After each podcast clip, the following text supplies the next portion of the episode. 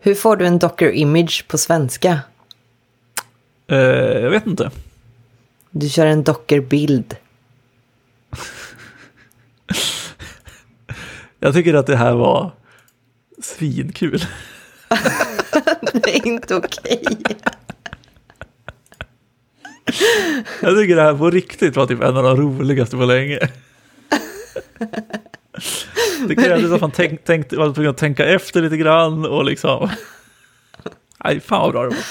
Du säger alltid att det är det roligaste på länge. Fan vad du måste ljuga. Nej, men jag tänker att nivån går uppåt. Stiger. Jag mådde så dåligt när jag klämde ur mig den här. Ja, men det, jag, jag har absolut ingenting att klaga på, för jag kommer ju inte med så många skämt från mitt håll.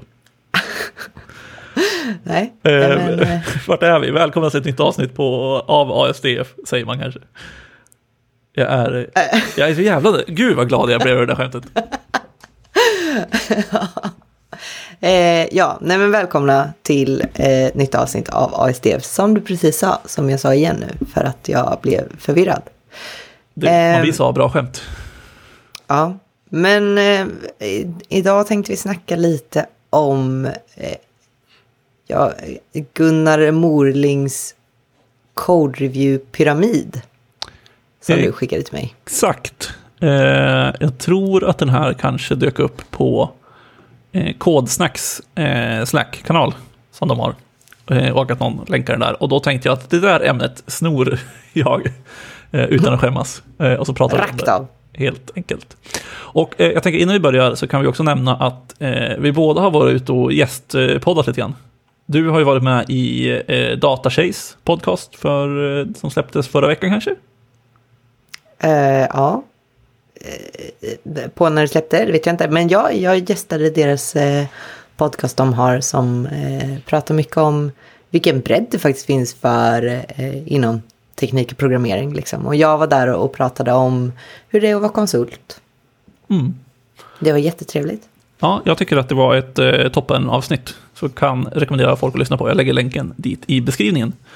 Och sen har jag också varit eh, och gästat Kodsnack då, på tal om dem. Och pratat med eh, Fredrik Björman som har den om... Eh, vi pratade om en artikel som har världens längsta titel, så jag kommer inte ihåg den i huvudet nu, men är typ något i stil med 136 facts every developer should know before they turn to gardening or nude modeling, eller något sånt. Before they burn out and turn to landscape painting or nude modeling. Ja, jag var ändå nära. Ja, Eh. du har begått tyckande. Exakt, exakt. Eh, där jag eh, gästade och tyckte massa saker om väldigt liten andel av de här punkterna, men det blev ändå ganska många punkter rent numeriskt. Så den kan man också lyssna på. Den släpptes i tisdags, tror jag. Ehm, Men med det ur världen så tänker jag att vi hoppar in i den här eh, eh, kodgranskningspyramiden. Och eh, som lite bakgrund då, den, den eh, handlar egentligen om vad man ska tänka på när man liksom gör en code review. Så inte liksom hur mycket, inte från andra hållet, utan det här är för granskaren så att säga. Att man ska eh, fokusera på olika saker, vilka som är viktiga, vilka man ska lägga mest vikt på och visualisera det här på ett eh, väldigt bra sätt tycker jag. Och eh, vi länkar såklart den i beskrivningen så man kan gå in och kolla själv. Men om man börjar liksom beskriva hur den ser ut innan vi går in på detaljerna så är det liksom fem olika nivåer där den i botten är bredast såklart i och med att det är en pyramid. Och den pratar om att så här, eh, API semantics, alltså hur eh, ser API ut egentligen för vad den här eh, kodändringen ska eh, arbeta med. Sen är det implementation semantics, alltså hur mer koden, hur den ser ut och inte just API eller liksom eh, hur den samarbetar med annan kod. Sen nästa eh, nivå är documentation och ovanför där är det tests och sen sist på toppen så är det code style i den där minsta biten då.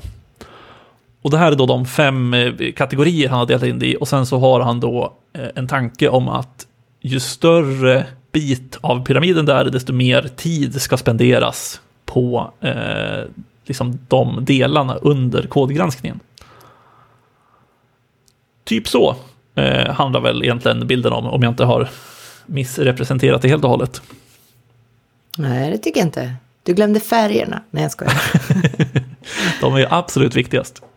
Ja, nej men det är väl eh, intressant också för utgångsläget är väl mycket att eh, fokuset tyvärr ibland verkar ligga på eh, de två högst upp som han också tycker är någonting som bör automatiseras liksom. Eh, som inte ska läggas vikt vid egentligen så på en code review. Um, Nej, men exakt. Alltså, vi var in på det här för något avsnitt för väldigt länge sedan nu tror jag, att, så här, att man inte ska prata så mycket om liksom, hur koden är skriven i liksom, typ formateringsmässigt.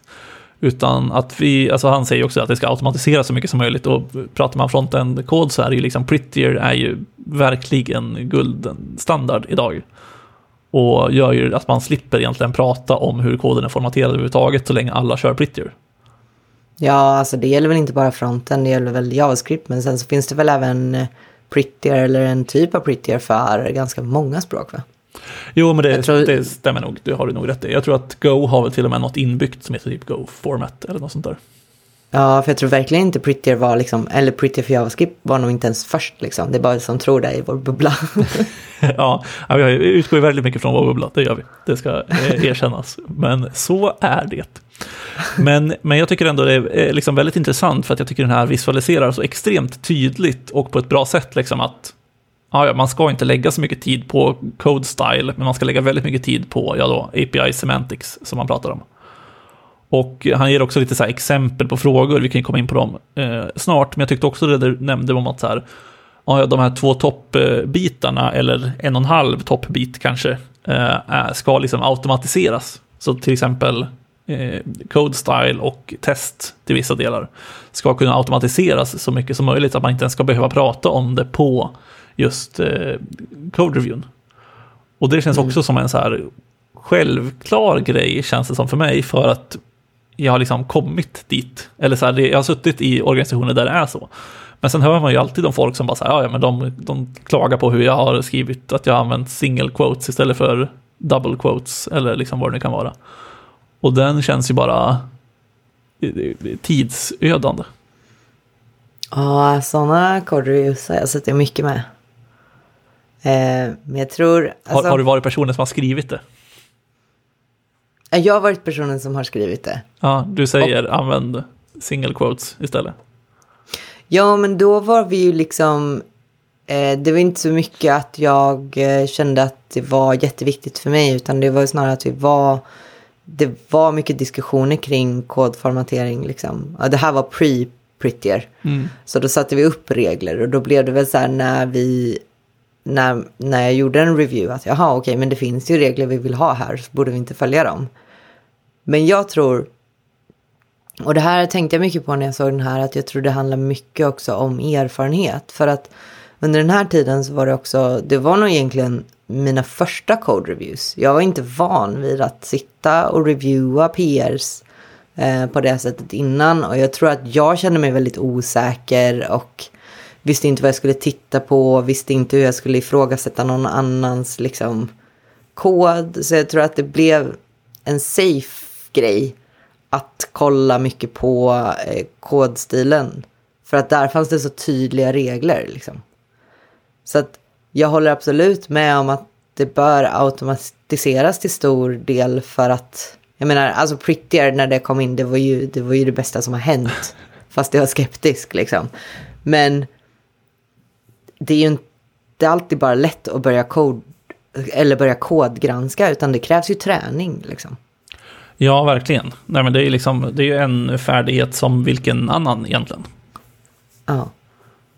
Och, det, alltså, och då kan jag också tänka mig att den ser läskig ut.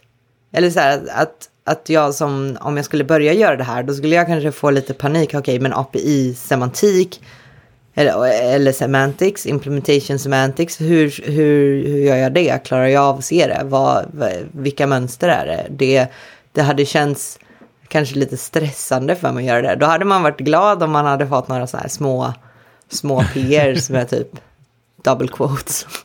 Ja, exakt. Nej, man kan verkligen tänka mig det. Alltså så här, om man eh, som en utvecklare med inte så mycket erfarenhet liksom öppnar den här och så, så här, man ska använda den här som guide för att kolla så här, man ska göra någon eh, göra en code review för första gången, då skulle man ju kanske bli lite överväldigad.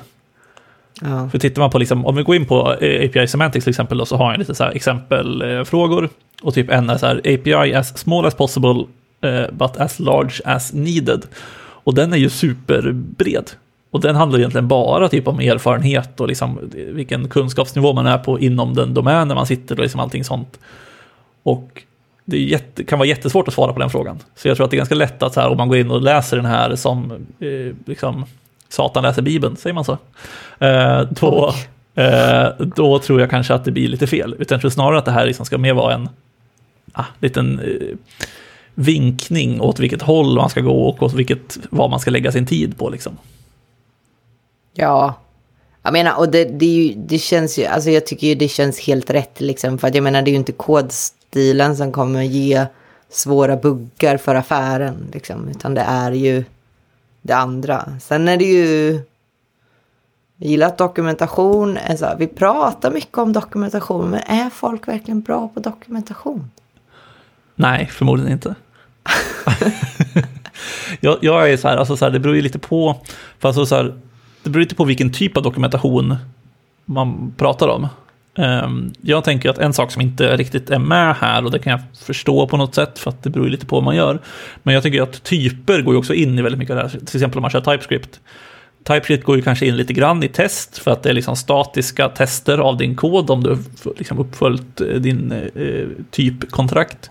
Sen dokumentationen blir också lite typer, att det är så här, eh, själv dokumentera sig själv Eh, när man faktiskt skriver sina typer. Och sen blir det ju implementationsdetaljer och eh, sånt också, när man vill, så här, hur man ska typa sin kod. Eh, men just för dokumentationens skull så tycker jag ändå liksom att sån dokumentation kan folk vara duktiga på, för att den kommer av sig själv.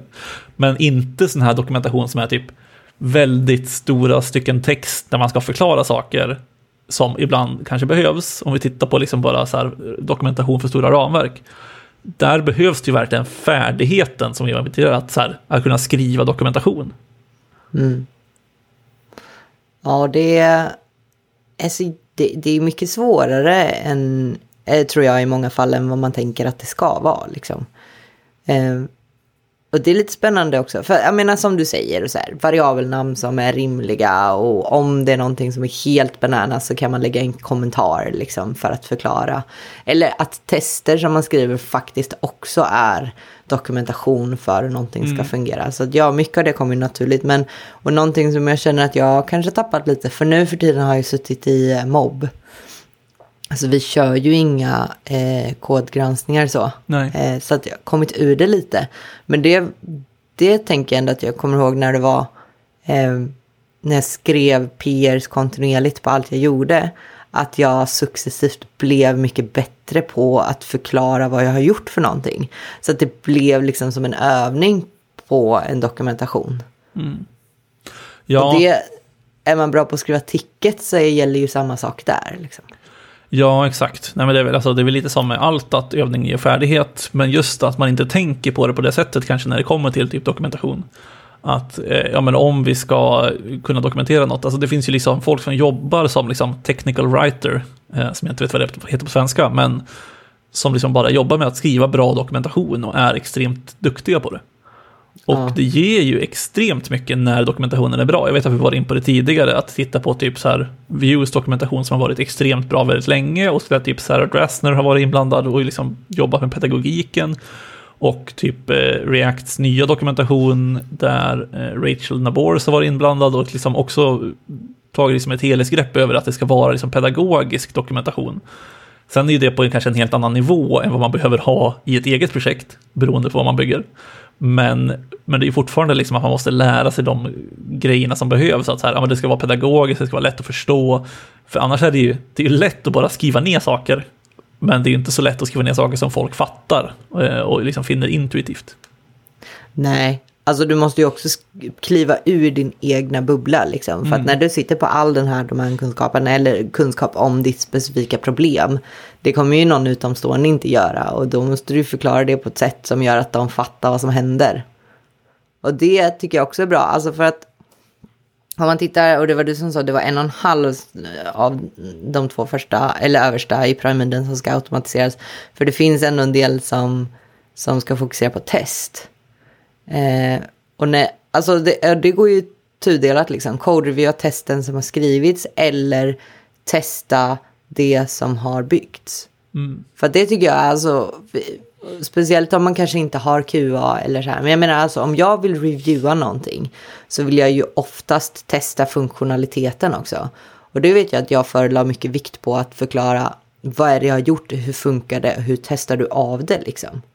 Och det blev också så här, jag måste verkligen förklara vart jag befinner mig, vilket kontext och vad det är som ska funka. För annars kommer den här personen inte kunna testa det. Liksom. Och det blev ju ofta mycket frågor tillbaka. Så här, vad är det du menar?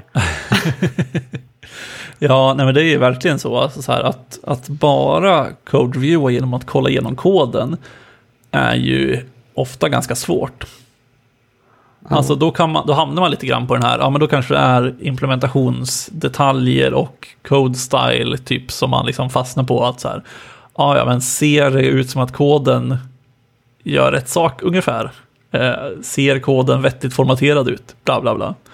Men man fattar ju inte riktigt kanske den här kontexten som krävs. Man ska kunna lägga lite tid på liksom hur API är designat eller hur liksom eh, är dokumentationen korrekt? För då måste man ju faktiskt veta vad som ska dokumenteras.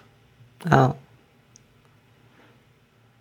Nej, men eh, Fastän det var, oh shit vad länge sedan. Jag blev lite trött bara att tänka på code Jag är också väldigt mycket egentligen eh, för en liksom, utvecklarkultur där man slipper code reviewa för att man sitter tillsammans och gör allting. Eh, jag har också mobbprogrammerat väldigt mycket liksom, som du gör just nu. Och det är ju extremt skönt att slippa göra det. Ja. Ja men så är det ju. Men, men om man ska prata lite om mobbprogrammering också. Det är lite ibland kan det vara lite skönt att bara ta på sig sina lurar och gräva ner huvudet och köra liksom.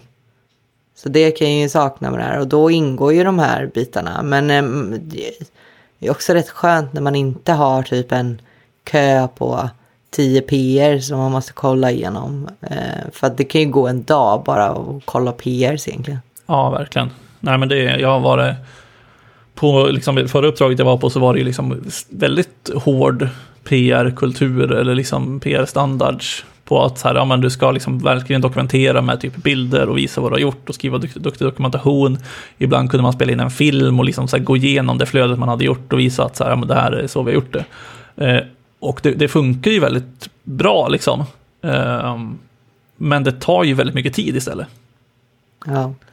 Så att jag vet liksom inte om det är värt det att okej, okay, då lägger vi massa tid på att vi ska code-reviewa varandra istället för att vi typ sitter tillsammans och så gör vi den här grejen tillsammans och så skiter vi och code-reviewa den för att det har gjorts live. Men vi har också fått massa andra saker som vi har vunnit genom att vi, ja, ja, vi, eh, vi skrev all kod tillsammans. Vi har liksom diskuterat det, man har fått en förståelse båda två för den.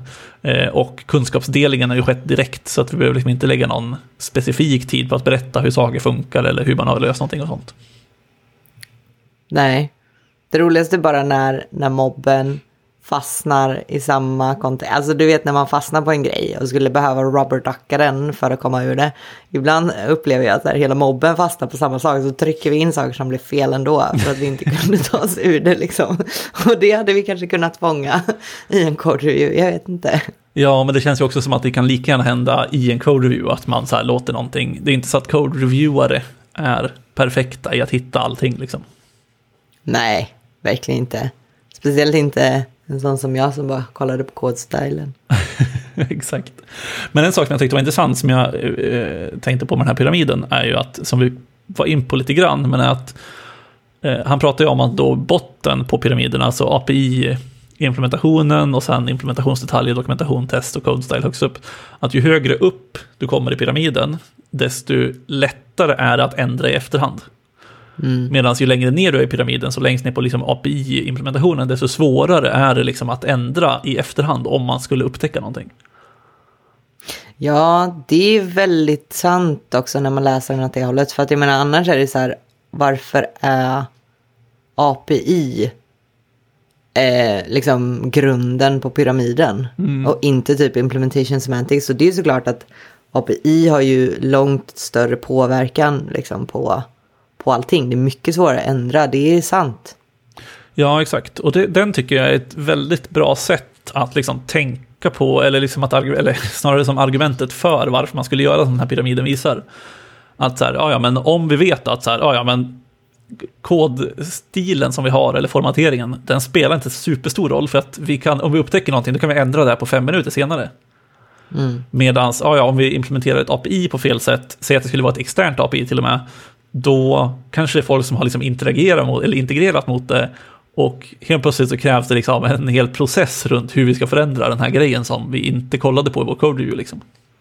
Ja, och jäklar vad man måste tänka till då ändå. Alltså för jag, jag har ju gått mot så här, man går mot externa API och sen helt plötsligt så har någon tryckt ut en ändring att ja men istället för att inte få eller inte få ett värde så fick du helt plötsligt null på det i, i JSON och det liksom pajar hela Mm. Det kan paja hela grejer och det är så litet och det tänker man inte på när man sitter där och bygger sitt API. Liksom.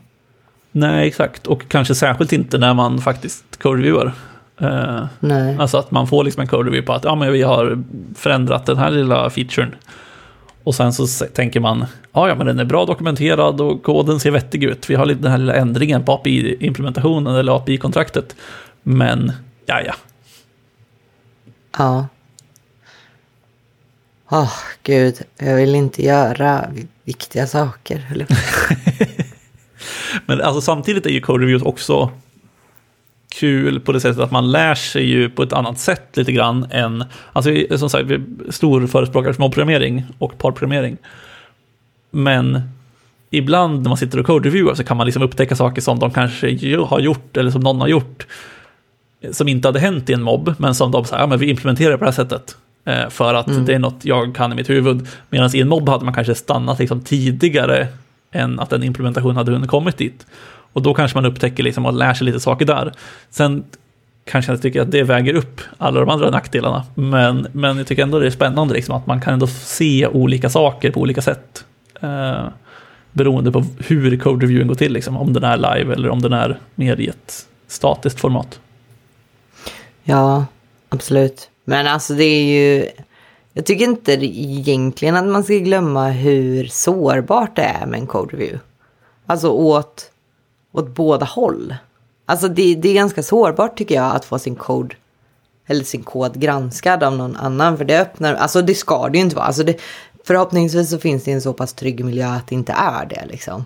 Men på något sätt för mig känns det verkligen så här, okej okay, men det här är hur jag har tänkt och visar upp det här nu och någon ska granska det. Det tycker jag är lite sårbart. Men jag tycker också på något sätt det är sårbart när jag ska granska någonting. Om jag råkar påpeka någonting som, som inte är det fel eller vad jag tror, eller inte är på det sättet som jag förväntar mig, så känns det också fel. Så jag brukar få sitta och så här och på tal om att lära sig saker, liksom saker som jag inte riktigt förstår eller inte kan, de får jag sitta och testa igenom eller googla och läsa på om för att jag inte vill ha fel.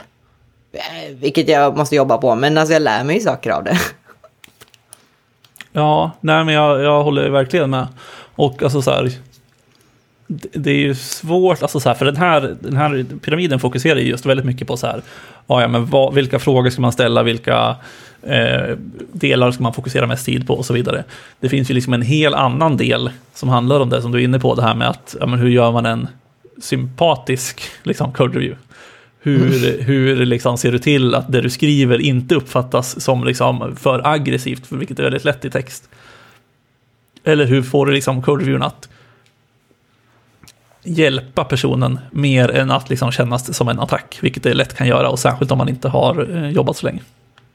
Ja. Men jag menar, alltså, för vissa av de här frågorna han ställer, det skulle jag verkligen behöva googla länge på för att hitta ens vad jag vill komma fram till. Ja, men typ, is it secure? Example, no SQL injections, etc. Det, det är så här, oj. Så jag behöver sitta med ett tag. Ja, ja, men så är det absolut. Men det känns ju också som att man... Man kan ju inte kunna allt, så att säga. Så att man får liksom utgå från sin egen eh, liksom, kunskap när man code-reviewar också. Det är inte någon som förväntar dig att du ska sitta och eh, liksom, kunna varenda litet fall som vi behöver kolla på när det kommer till säkerhet, då, som ditt exempel. När man gör en code-review, utan det handlar ju mer om att så här, ja, ja, men då, då får man liksom ta det som det kommer, typ. Sen beror det lite Ja. på kontext. Jobbar man på en bank, kanske lite viktigare med att secure är större del av code reviewen. Ja, man, man borde inte valt ett jobb som, som jobbar med finans. Exakt. Nej, så jag tycker, jag tycker ändå det är liksom en väldigt bra utgångspunkt, om inte annat. På liksom, ja men vart man kan, eh, vad man kan tänka på liksom och se när man börjar CodeReview. Ja, men det tycker jag absolut. Alltså det är en väldigt bra och, och, och väldigt pedagogiskt tydlig liksom, påminnelse hela tiden om vad vi vill titta på. Alltså för det kan ju vara att man behöver fräscha upp sig igen. Så bara, just det, hur är, hur är det jag tänker på det? Ja, men ta som mig, liksom att suttit länge, inte code review, att ska tillbaka till code review. Och verkligen så här, ja just det, jag ska inte fastna på is it dry. För det är inte så jäkla viktigt. Nej, men exakt. Ehm, så jag tycker också den är liksom jättebra. Det är samma sak, alltså jag har börjat på sistone, eller försöker i alla fall, att liksom skriva ner mycket av mina åsikter. Och försöka liksom motivera dem för mig själv. För att jag har insett att det är inte alltid så här i stunden eller på längre sikt att jag så här kommer ihåg varför jag tycker saker. Utan det är mer att jag så här, "Ja, ja, men jag, jag vet att jag tycker så här, jag vet att jag har haft bra underbyggda argument för varför jag tycker det här. Men jag kommer inte ihåg argumenten just nu. Och då var det ändå väldigt skönt att kunna så här, ja just det, vänta, jag skrev ner det här någonstans. Varför tyckte jag så här? Och sen kan man ju omvärdera det där såklart, men, men det är ändå bra att ha det nedskrivet kan jag tycka. Han känns väldigt engagerad av dig ändå. Alltså, det är bra underbyggt tyckande. Jag är mer så här, jag bara viftar i luften. Som Don Quijote, väderkvarnarna, du vet. Eh, nej men precis, alltså jag, jag, jag ska väl erkänna att jag också viftar ganska mycket. Eh, det är inte så att jag i, ett, i en diskussion, eh, så här, just det, vänta, jag ska bara kolla mina anteckningar. Fast det hade varit ett sånt jävla power move om du började göra det. Ja, men det är, också, det är också ännu värre, för att allting jag skriver, skriver jag ju oftast som liksom typ inlägg på min egen sida. Så att det blir snarare typ så här, ah, vänta, vänta, jag ska bara kolla det här inlägget jag skrev på min sida för ett tag, så jag kan skicka en länk till dig om du vill. Annars skulle jag jättegärna vilja att du printar ut allt och går runt med en lunta och börjar bläddra i varje gång du ska tycka någonting. Jag ska bli liksom en, en bokstavligen bli en pärmbärare. Det hade varit toppen. Det kanske är liksom lösningen på eh, allting. Jag ska bara bläddra till rätt sida här. Jag har ett register men inte uppdaterat. Så jag måste Exakt. bara... Exakt. Slutar med att jag är som en sån här eh, karaoke-pärm, du vet, när det är liksom så här. Jag har liksom haft med mig den överallt bara för att kunna vara beredd. Så att den är liksom så här lite inplastade sidor, lite halvkladdiga för att de har klivat ihop och grejer. Ja, sen har du några bilder som ligger i sådana här gamla CD, alltså när man, hade CD-skivor som man kunde lä- lägga i ja, exakt. plastfickor. Där ska jag stoppa in den här pyramiden. Ja. eh, ja. Eh, det, det är kväll. Det är lite sent, det märks. Ehm, men ja, alltså eh, jag tycker det är en, eh, en jättebra grej, en jättebra påminnelse. Jag känner också att jag blir lite taggad på den här för att jag känner ju alltid att jag Alltså, och det är väl lite på samma tema, men att jag känner att jag verkligen har, kan någonting eller befäst min kunskap när jag måste antingen förklara den för någon annan på ett väldigt tydligt pedagogiskt sätt, liksom, eller när jag faktiskt måste skriva ner det. Så att det är ju, det är egentligen ganska trevligt tycker jag ibland att lägga tid på att, på att nu, nu är det ju mer skriva code review då, um, men också code reviewa någon och, och förklara varför jag tycker så eller tycker si liksom. Men alltså jag, jag glömmer ju bort allt jämt, så jag kanske också måste bli en pärmbärare. Vi får se. Det kanske är liksom eh, resultatet av det här avsnittet, är liksom eh, pärmbärarnas återkomst. ja. Ja, jag tycker det känns som ett perfekt tillfälle att runda av. Jajamän. Som vanligt vill man oss två finns vi på Twitter. Jättekul om man har åsikter om den här eh, Code Review-pyramiden som eh, vi inte har tagit upp, eller om man inte håller med oss, eller vad som helst, att höra av er. Eh, ge oss gärna en recension där vi finns, det är lite överallt. Ha det gott så länge hörni. Så hörs vi. Det gör vi. Eller det gör vi inte, men ni hör oss. Ni vet. Okej, ha det så. bra. Hej då.